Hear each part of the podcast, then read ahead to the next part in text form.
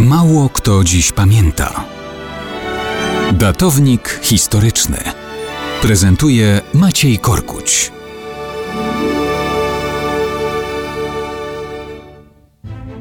Mało kto dziś pamięta, że w niedzielę będzie rocznica 11 kwietnia 1925 roku, czyli śmierci zacnego, acz zapomnianego nieco generała Zygmunta Zielińskiego, dowódcy drugiej i trzeciej Brygady Legionów Polskich, kawalera Krzyża Virtuti Militari, kilkukrotnego kawalera Krzyża Walecznych, uczestnika walk z Ukraińcami i bolszewikami, człowieka skromnego i szanowanego, nieznoszącego nadmiernego blichtru doczesnych zaszczytów. W tej sprawie zresztą wypowiedział się nawet z zagrobu.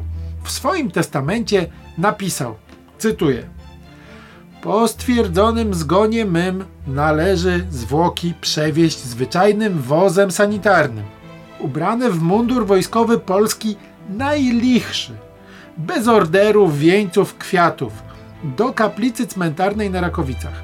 Trumna ma być zbita z desek białych, nieheblowanych i niemalowanych, podobna do tych, w jakich grzebano żołnierzy i oficerów moich poległych w walce o wolność na froncie.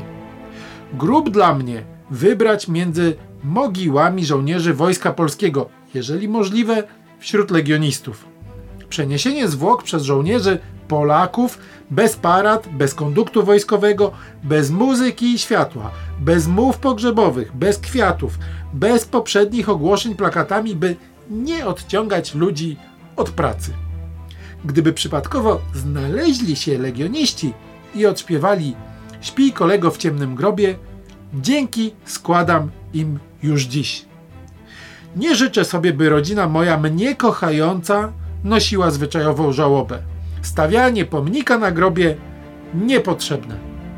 Cóż, wszystko stało się zupełnie odwrotnie.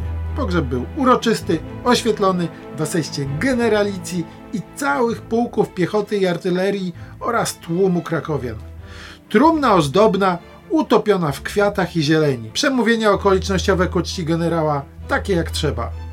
A na Rakowicach wystawiony okazały pomnik grobowy dowódcy, który pojutrze przynajmniej krakowianom odwiedzić zalecam, aby nie dać ulecieć z pamięci ludzkiej postaci zasłużonego, acz skromnego generała broni Zygmunta Zielińskiego.